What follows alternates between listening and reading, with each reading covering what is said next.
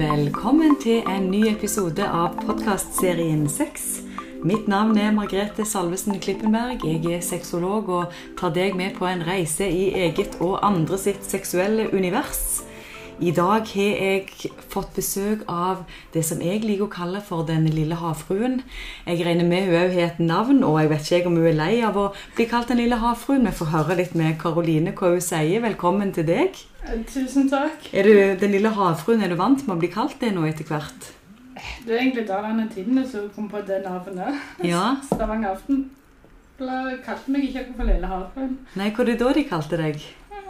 Bare for uh, havfruen, eller som folk kjenner meg på Insta som Viking Mermaid. Ok, så for, Hva er det som gjør at folk kaller deg Den lille havfruen? Hva er det du holder på med sånn utenom å sitte her og snakke i podkasten i dag?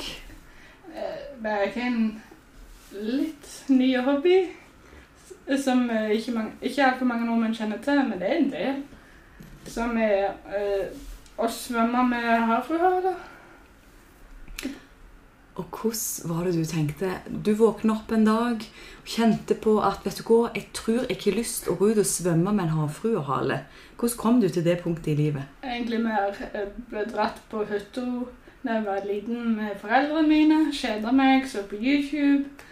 Og så vet man jo alle at når man ser på TV, så ser man jo sånne syltynne damer med sånn perfekt hud, ikke akkurat noe stort muskler. Så ser jeg på YouTube så er ei dame ikke store, ikke den største, høyeste, ikke tynneste, men ganske sånn skikkelig kraftig. Og bare rett og slett skreik, sterk kvinnfolk som kan stå for det hun står. Ja, og så svømte jeg rundt i herfra, og det så så elegant ut, og så fant jeg ut egentlig så prøve dette. Og hva skjedde med deg da når du prøvde det?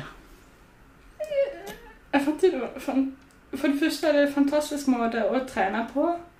For å gjøre det skikkelig så må du bruke hele kroppen din. Må, det er ikke bare beina som brukes når du svømmer. Det, liksom, det går fra toppen til bunnen. Du skal lage sånn, akkurat sånn fine bølger mm. når du svømmer.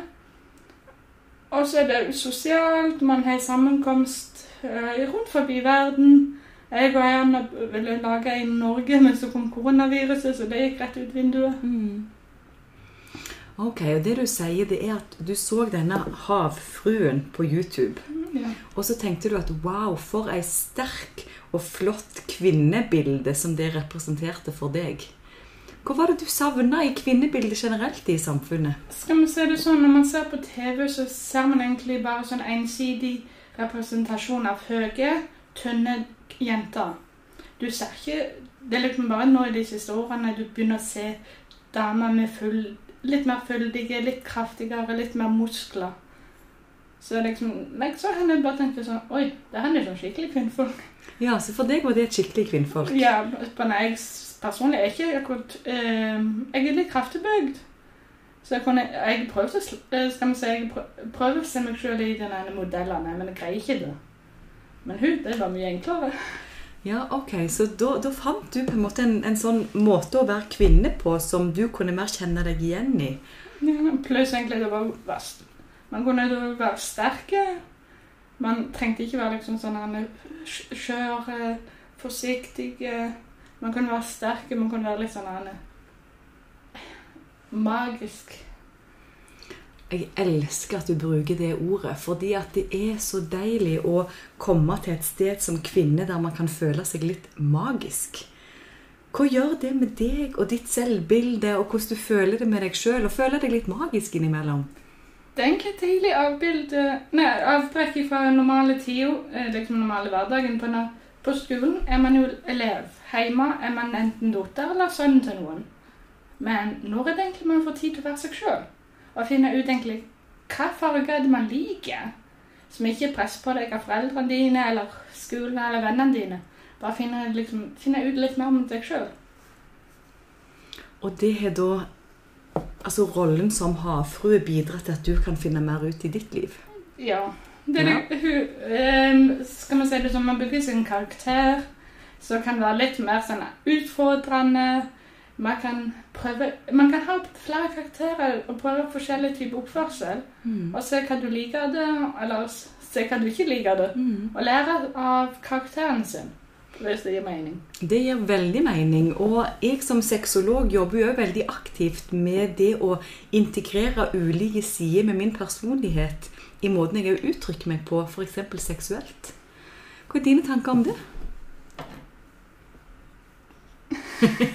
det hadde du ikke tenkt på før. Nei, jeg fikk plutselig helt hjernetette.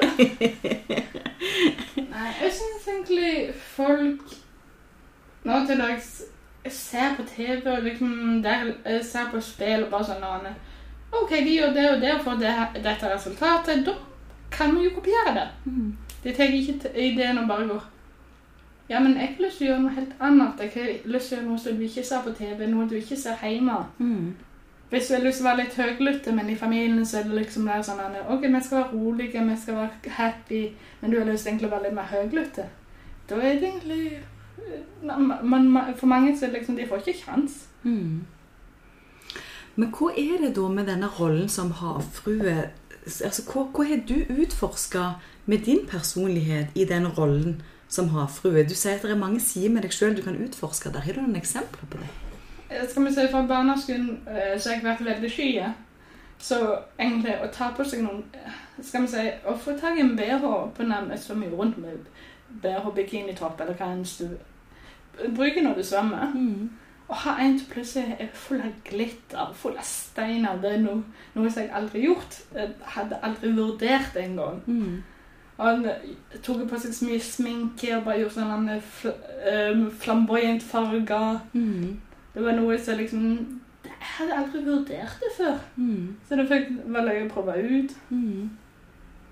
Og hva gjør det med måten du føler deg på, når du kan utforske litt mer sider av deg som du ikke kanskje har vært i kontakt med tidligere? Det er gøy. Mm. Først og fremst det kjekt. Og nummer to skal vi se det sånn, Når jeg tar på meg, alt, så er det jo sånn Anne, å se på folk på nett Selvfølgelig så får du dømmende blikk når du svømmer rundt i en havfruehale.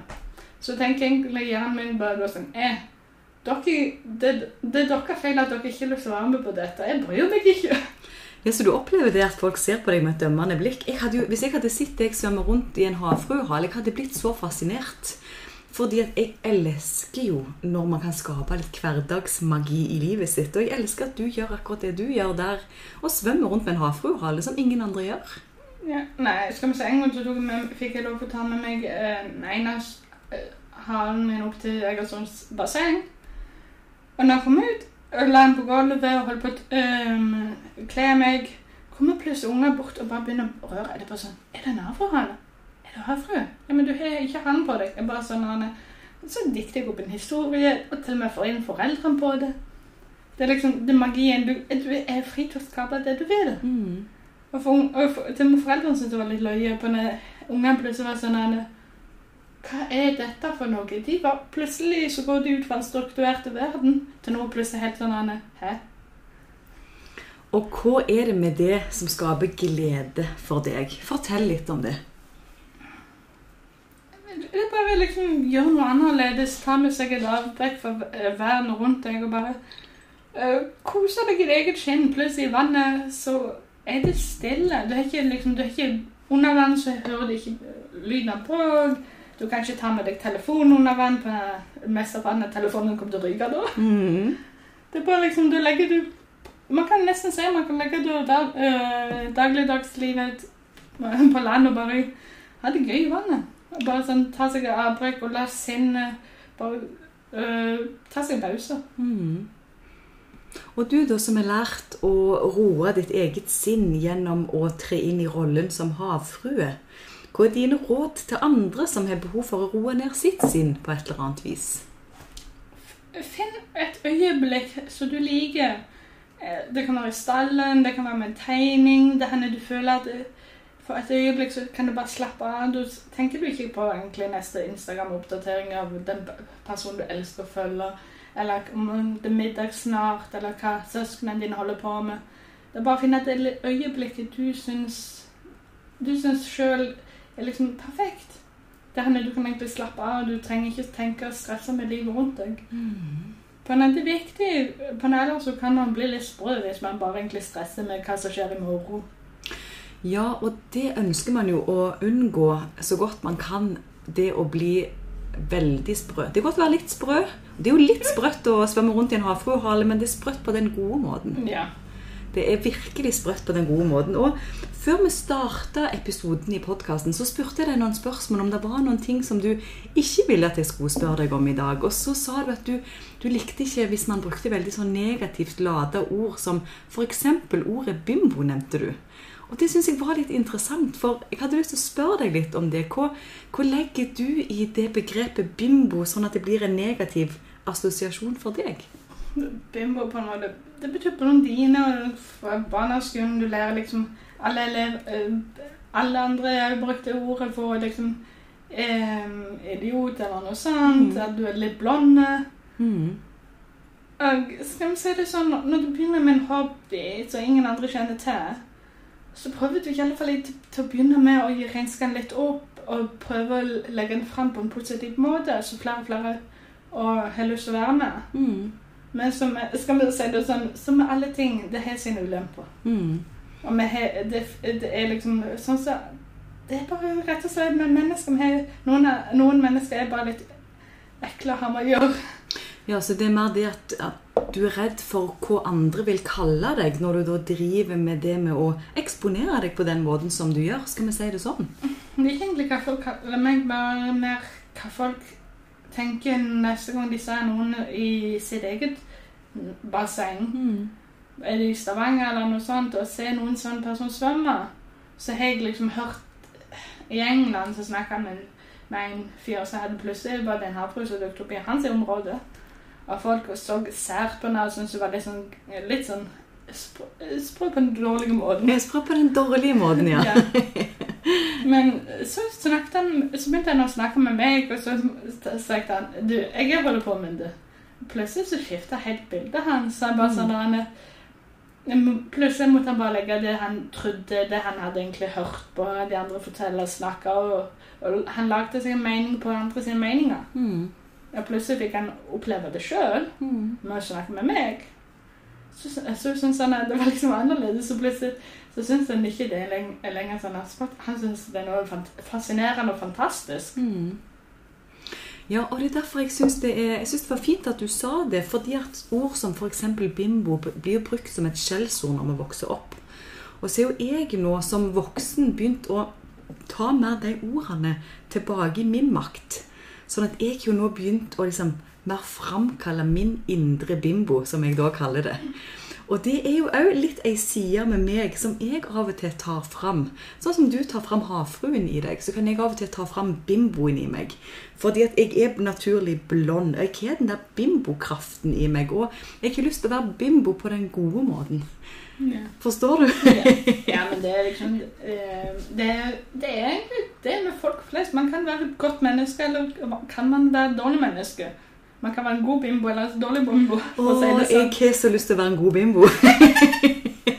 Hvis, hvis det gir mening Og det er akkurat det de gjør. Og akkurat sånn som du sier, at folk er nødt for å finne sin mening og leve sin sannhet.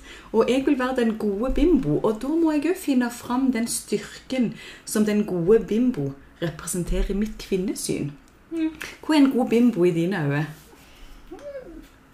Eh, Skal vi si det sånn vanskelig å forklare? Nei, men for meg liksom kvinnfolk det, det, tre- skal være selv- selv- selvstendig og ikke være redd for å vise at hun kan noe. Mm. Hvis, skal vi si det sånn, hvis, hun har lyst til å ta, hvis en dame har lyst til å ta en manneyrke, så er jeg greit, hun skal få lov. Mm. Og det skal ikke være sånn sånn denne, å, men det han er for tungt for deg. Hvis hun vil, så kan hun. Mm. Jeg synes det er sånn irriterende av og når du har samtaler med menn eller andre damer der han de lar seg stoppe på en allerede forhåndsbestemte kjønnskvalifiseringer, hvis man kan si det sånn. Mm. Ja, og der er jo ei av mine bestevenninner. Hun er jo da Hva skal vi kalle det? Hun er jo da både sin egen og min indre vaktmester. Sånn at hun er jo den som fikser alt, og har alle de rollene som da òg menn tradisjonelt sett har i samfunnet. Og jeg har jo vokst opp i en ganske morsom familie der. fordi at i min familie så er det sånn at det er faren min som gjør alle de der tradisjonelle kvinnelige tingene, som å lage middag og sørge for å dekke på bordet og alt det. Og så er det mora mi som er ute og snekrer og bygger og tapetserer og fikser alle de praktiske tingene. Så jeg har vokst opp med litt sånn reverserte rollemønster i familien, og det tror jeg har vært bra for meg. Ja, ja skal vi si det sånn som eh, På den ene er utdannet kriminolog, og det ene tingene man lærer om, er hvordan egentlig unger er påvirket av familie. Mm. Når vi tar opp atferd fra ung alder, vi kopierer atferden. Det første atferden vår er ikke vår egen, egentlig. Det er bare kopiert. Vi tar det av foreldrene våre, vi tar det av vennene våre. Vi lærer av de hvordan vi skal oppføre seg. Så hvis man har en familie henne kjønnsrollene er virkelig sterke, eller går på en skole henne kjønnsrollene blir liksom skrevet ned på nesten i stein, da blir det plutselig vanskelig når du begynner å vokse opp og du vurderer egentlig å begynne å ta begynner å bli lyst til å gjøre noe snekkerarbeid eller noe sånt. Mm. Så plutselig har du en boks og du må komme deg ut av.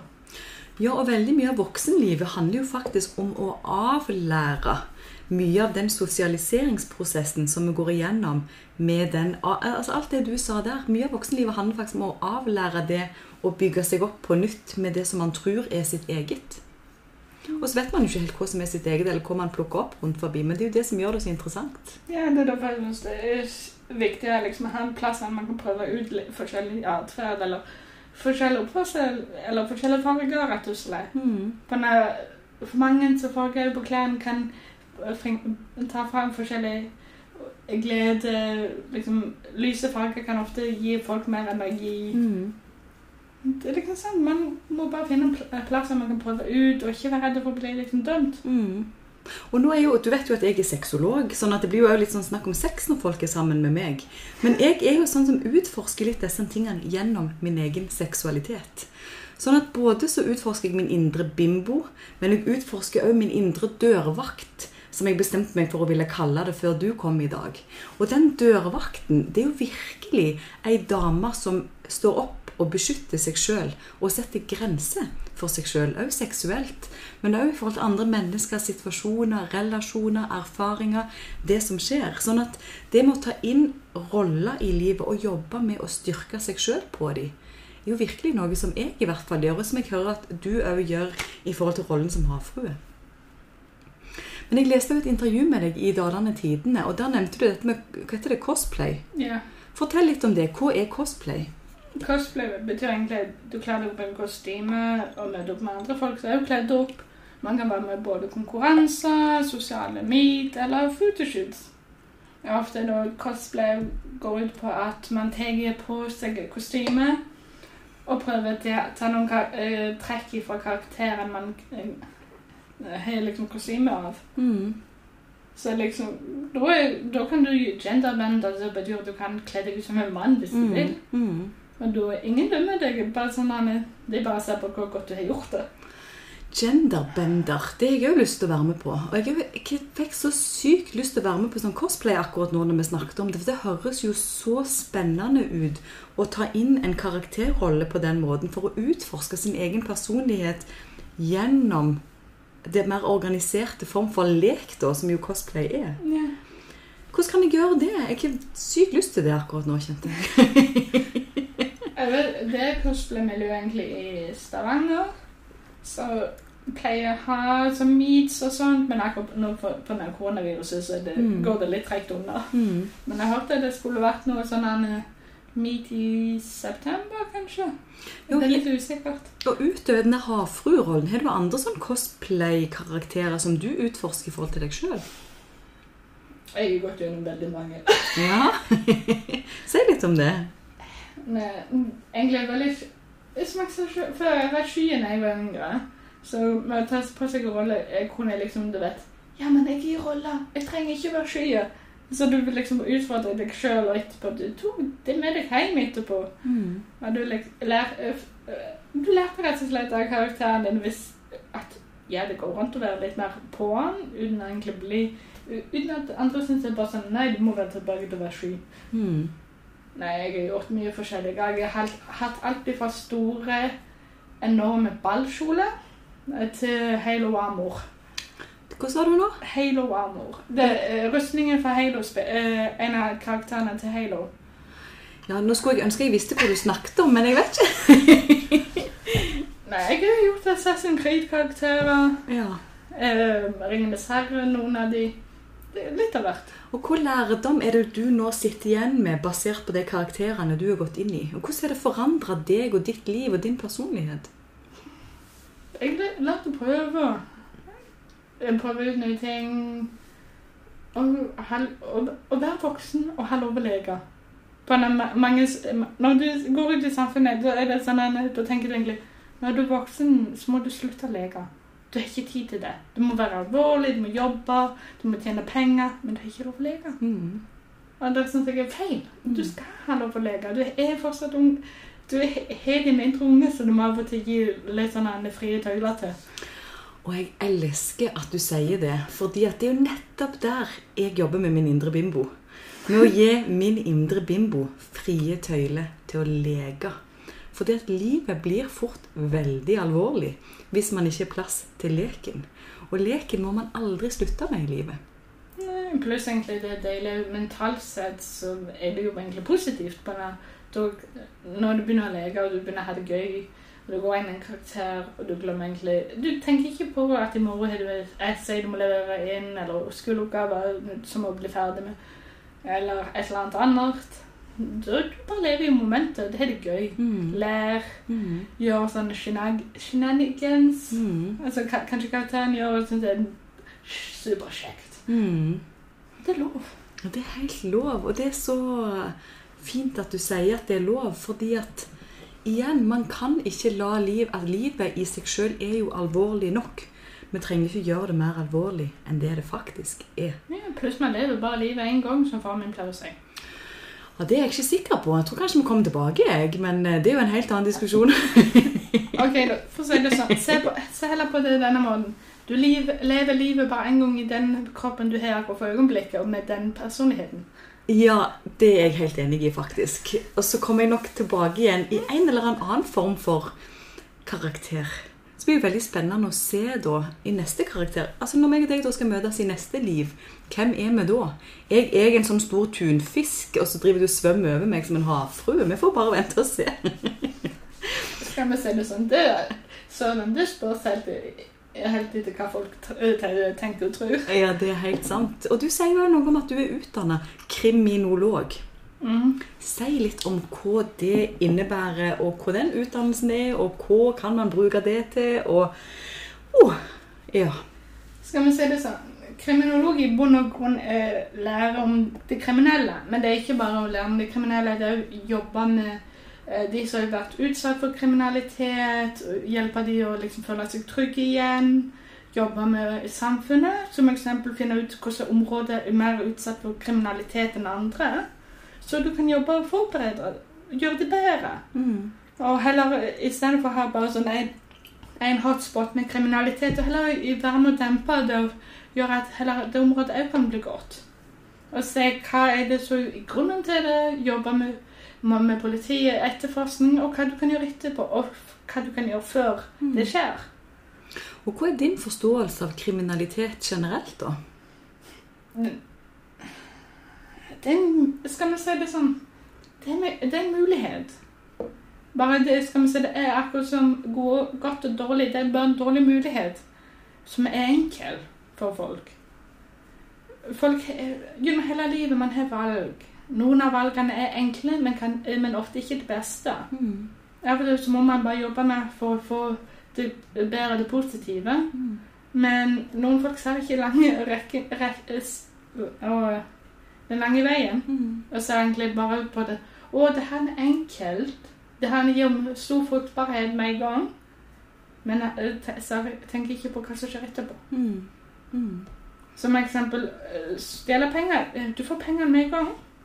Det er mye superenkelt. Blir du tatt, havner du i fengsel, får du bot eller noe sånt. Så det er egentlig det er et valg. Ja, og så er vi jo født med veldig ulike forutsetninger for å ta gode og dårlige valg. Og der er det jo mange samfunnsstrukturer som spiller inn i forhold til hvordan vi har det. Men du har jo et kjempeviktig og spennende arbeidsområde der. En kriminologisk havfrue må jo være en perfekt kombinasjon. Hvordan kombinerer du de to rollene i livet, eller de to kompetansene? Det er liksom eh, For mange For mange jo Når livet går dårlig, så har de tendens å gå mot det dårlige. Ja, liksom hvis man har mye drit i livet sitt, så er det av og til vanskelig å komme seg ut av det. Mm. Og kanskje da å kunne eh, for, Skal vi si tvi-tvi, kanskje en unge har blitt seksuelt overfalt av en voksen, men tør ikke å snakke med noen. Mm. For når de tror at dette er normalt. Ingen har sagt til meg at han ikke er ok. Så plutselig har de en karakter som ikke er menneske. Så ser i iallfall fall ikke ut som et menneske. Mm. Og forstår egentlig hva det går ut på, og kan snakke med personen og kan veilede ungen hva kommer til å skje. Mm. Kan være viktig. Mm. På når tingene er mesteparten av grunnene liksom For mange så er det at mm, samfunnet vi prøver å sy puter under armene på ungene. Men vi sier ikke til egentlig hva, det, hva er normalt, hva er ikke normalt. Mm. Og det er jo en av mine sånn hovedområder eh, innenfor sexologien òg, at jeg ønsker å starte en god seksualundervisning faktisk for barn i barnehagen. Og det må lære barn allerede der med hva som er greit, og hva som ikke er greit, og hva som er lov, og hva som ikke er lov. Sånn at barn òg kan gjenkjenne tidligere når de blir utsatt for noe. Ja. Fordi at barn, veldig mange barn som er utsatt for overgrep, f.eks., som du nevner her, de er ikke klar over at det er det som skjer med dem. De tror at det er normalt for akkurat deres situasjon, og at mange andre òg har det sånn. Pluss egentlig i faktisk øh, under undervisningen så lærte vi at oftest så blir barn overgrepet av familiemedlemmer eller noen i nær relasjon. Og da kan det være at personen sier ja, men det her er normalt, det her er bare hvordan jeg viser at jeg elsker deg. Når du egentlig kan forstå at nei, det her er Når unge plutselig vokser, vokser opp og plutselig innser at det her var- var ikke ok, det her var ikke normalt. Mm. Hvis man kunne egentlig bare sagt det unge, lært ungene i um, tidligere alder kunne forstå ting. Liksom, hva er ok for foreldrene? Mm. At ikke tar all atferd fra de, og de skal vi si det sånn selv om kanskje far eller mor sier ja, det her er normalt, det her er ok, det her er hvordan man skal gjøre det i livet, Mm. så betyr det ikke alltid det. Nei, og da trenger man trygge og kloke voksne eh, utenfor familien, som òg kan si at av og til så er det sånn at hvis det er for, foreldre da som forgriper seg på barna sine seksuelt, og sier det at noen ganger så kommer foreldrene til å si at dette er normalt. Men da er det viktig at du vet at det er det ikke. Og at du da kan komme til meg som er en trygg voksen og fortelle hvordan du egentlig har det. Og så kan barnet få hjelp derifra til både forebygge og få stoppet overgrep, som jo er kjempeviktig for deres utvikling og liv videre. Så takk for at du bringer det kjempeviktige temaet inn i podkasten, fordi at seksuelle overgrep mot barn er jo definitivt noe man er nødt for å snakke mer om. Vi må snakke høyere om det, og vi må ikke pakke det inn som noe som er farlig å ta opp. Fordi at det vil ikke være til hjelp for de barna som faktisk er utsatt for det.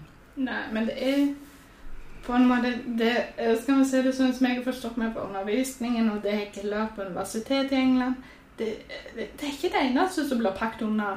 Unger blir egentlig Unger vokser opp nå til dags i liksom ei boble. Mange, I alle fall mange av de som eh, vokser opp i de bedre familier. De vokser opp òg i bobler. Så de forstår egentlig ikke kriminalitet før de plutselig får samfunnsfag. Men da er det ikke nærme. Da er det liksom sånn litt Du forstår ikke ideen om hva det betyr liksom å miste noen hvis ikke de mister noen i familien. Det blir avstand. De l- forst- Så liksom Å begynne egentlig ta Skrelle litt av den bobla og gjøre den litt mindre, så ungen kan begynne å forstå voksenlivet litt tidligere, kan jo hjelpe dem på øh, å vokse opp.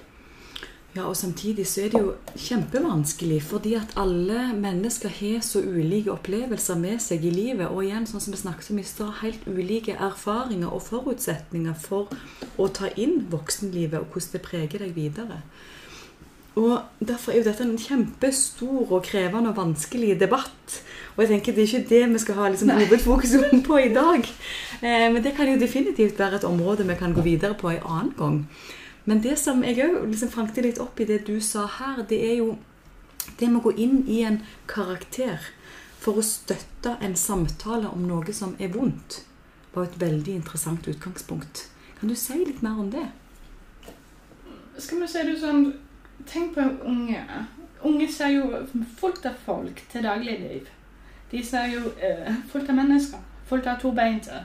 Men da plutselig de ser noe som ikke stemmer, noe som er liksom ut forbi, så er det på en måte liksom Ja, men det er personen som er ut forbi, hen skal se ut som en havfrue. Ja, men det betyr jo at den tilhører ikke resten. Det han er noe spesielt, den, han karakteren er noe for seg sjøl. Mm. Så kanskje karakteren hører eller lytter bedre. Mm. Kanskje karakteren ikke følger, ikke følger samme tankegangen som foreldrene. Mm. Ok. Det er veldig interessant, faktisk. Jeg har ikke reflektert over det på den måten før. Men jeg vet jo at altså når jeg vokste opp sjøl, det med å ha en bamse eksempel, som jeg snakket til, eller det med å ha et kjæledyr som du tror er veldig åpen til, er jo veldig vanlig i forhold til barneverden. Tenker du at det kan sammenlignes i forhold til den rollen som havfrue som du beskriver her? Det, det kan det sikkert være. Og bamse Det er liksom Det er ikke, men, det er ikke som, som foreldrene dine, det er ikke som vennene dine, det er noe annet. Mm. For mange så er det liksom det, det, er en, det er en ting som ikke liksom har ikke negative meninger, kommer ikke til å rope etter deg. Har ikke, har ikke, har, syns, har ikke egentlig liksom OK, nå skal vi gjøre det og det og det. Har du lyst til å være med på det og det og det? Mm. Eller kom ned og spis middag. Mm. Bamse, kjæledyr, det er sitt eget.